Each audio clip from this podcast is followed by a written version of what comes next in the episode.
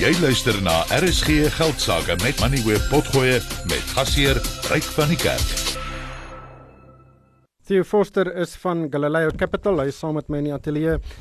Sê Theo, jong, ek kyk hier na Brent olie 86 dollar en ek kyk ek langs dit staan die die wisselkoers van R18 brandstofpryse ons moet onsself staal. Ryk, ons moet onsself staal. Ehm um, die beide die rand se verswakking die afgelope klompie weke. Ehm um, soos jy genoem het, dit is al af met iets so 7% oor die laaste ruk wat 'n groot effek gaan hê en dan vat jy die olieprys wat stadig gaan besig is om sterker op te kruip. Nou die olieprys vertrekpunt word basies is 'n uitvloeisel van wêreldekonomie wat bietjie sterker groei as wat ons verwag het. Amerikaanse ekonomie wat eintlik uitstekend lyk en die Chinese ekonomie wat oopmaak. So vat 'n mengsel van 'n hoër olieprys, voeg dit saam met 'n verswakkende rand. Ja, soos dit nou staan, gaan ons verhogings in die petrolprys kry. Paar maatskappy uh, resultate uh, of verklaringe is vandag uitgereik. Kom ons begin by Italtile. Dit was tussentydse syfers. Ehm um, uh, Enko het ook na die aandeleprys uh, verwys vroeër effens hoër R14.13. Ek het nooit besef Italtile is so groot maatskappy nie. Markwaarde van 18.5 miljard rand. Hulle verkoop baie teels.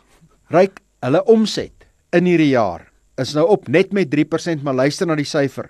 Hulle omset is 6,2 miljard rand. En dan as jy kyk hulle wins, hoewel dit af is met 8%, is dit steeds 1.4 miljard rand. So dis 'n maatskappy wat 'n wins maak van 1.4 miljard rand. Nou in hierdie handelsopdatering, 'n hooflyn verdienste af met so 6%.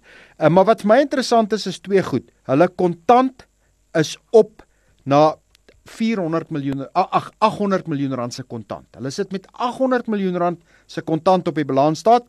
Hulle dividend is effens af vir hierdie 6 maande periode, maar hulle praat tog van die volgende 6 maande gaan baie afhang van die verbruiker en hoe die verbruiker staan. So ek dink hier's 'n baie konservatiewe uitkyk, maar soos jy reg sê, dis 'n maatskappy wat 'n wins maak in 6 maande van 1.4 miljard rand. Dis dis baie teels. Jy moet baie teels verkoop. Ja, en hulle het uh, baie goed gedoen in die Grendeltyd want mense het hulle huise verbeter. Ek is een van hulle. Ek kan nie onthou waar my vrou die teels verkoop het nie, maar ons het verseker huisverbeteringe aangebring. Het julle dalk 'n bietjie 'n ja. uh, paar teels vervang? Verlede jaar was hulle wins 1.5 miljard rand. Ek dink ons het bietjie bygedra daartoe. Dan Anglo American Platinum, eh, een van die grootste platinumgroepe in die wêreld, hulle het 'n handelsverslag bekend gemaak of uitgereik en dit is ek dink hulle volle resultate word volgende week bekend gemaak. Ek gaan met Natasha uh, Viljoen daaroor gesels. Ehm um, die aandeleprys vandag effens hoor, maar ek het so daarna geloer, daar's nie baie goeie nee, nuus daarin nie. Daar is nie ryk en ek dink dis deel van die mark verwag hierdie tipe resultate. Die feit dat die mark nie daarop reageer nie, wys vir jou nou in kort Hulle platinumprys in randterme is op met so 2%, die maar die volume is af met 26% en hulle skryf twee elemente daaraan toe. Eerstens um, in die tweede helfte van die jare die herbouing van die Polokwane smelter het langer geneem en daar was produksieprobleme daarbey in terme van kontrakteurs. En die tweede element wat hulle daarby voeg en ek dink dis heel logies, hulle sê onthou in die vorige jaar was daar baie groter volumes wat deur die stelsel gekom het. So jy normaliseer dit so bietjie. Hooflynverdienste gaan afwees met tussen 33 en 52% en hier's 'n baie belangrike les. As 'n maatskappy sê sy wins of sy hooflynverdienste gaan afwees met tussen 33 en 52% en die prys gaan op, sê dit vir jou dit is presies wat die mark verwag het.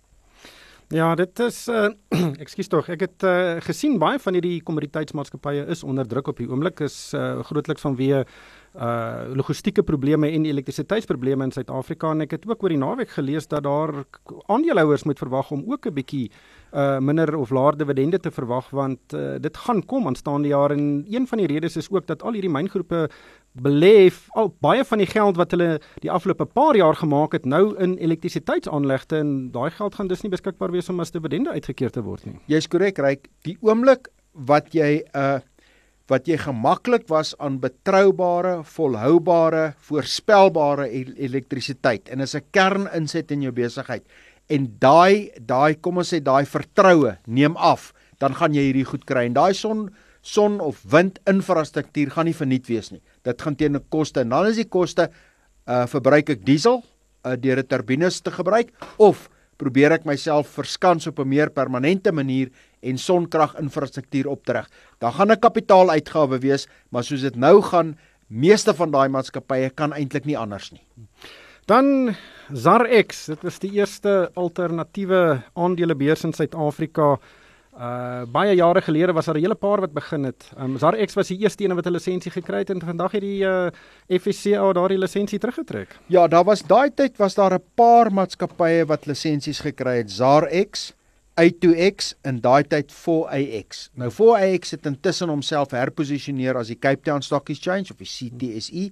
En beide A2X wat eintlik 'n sekondêre mark is. Hulle het 'n baie meer beperkte lisensie. So hulle kan maatskappye wat primêr genoteer is op een van die ander markte kan hulle 'n sekondêre notering doen. Hulle nog steeds floreer. Dis volume gedrewe. Daar's heelwat uh, uh noterings en dan die Cape Town Stock Exchange of CTSE is daar 'n konstante stroom nuwe noterings nie net op grond van klein maatskappye of maatskappye wat noteer nie, maar ook baie skuld notering. So hulle is baie aktief in die skuldmark en ek dink dis 'n fokusarea wat hulle sien as 'n groei area.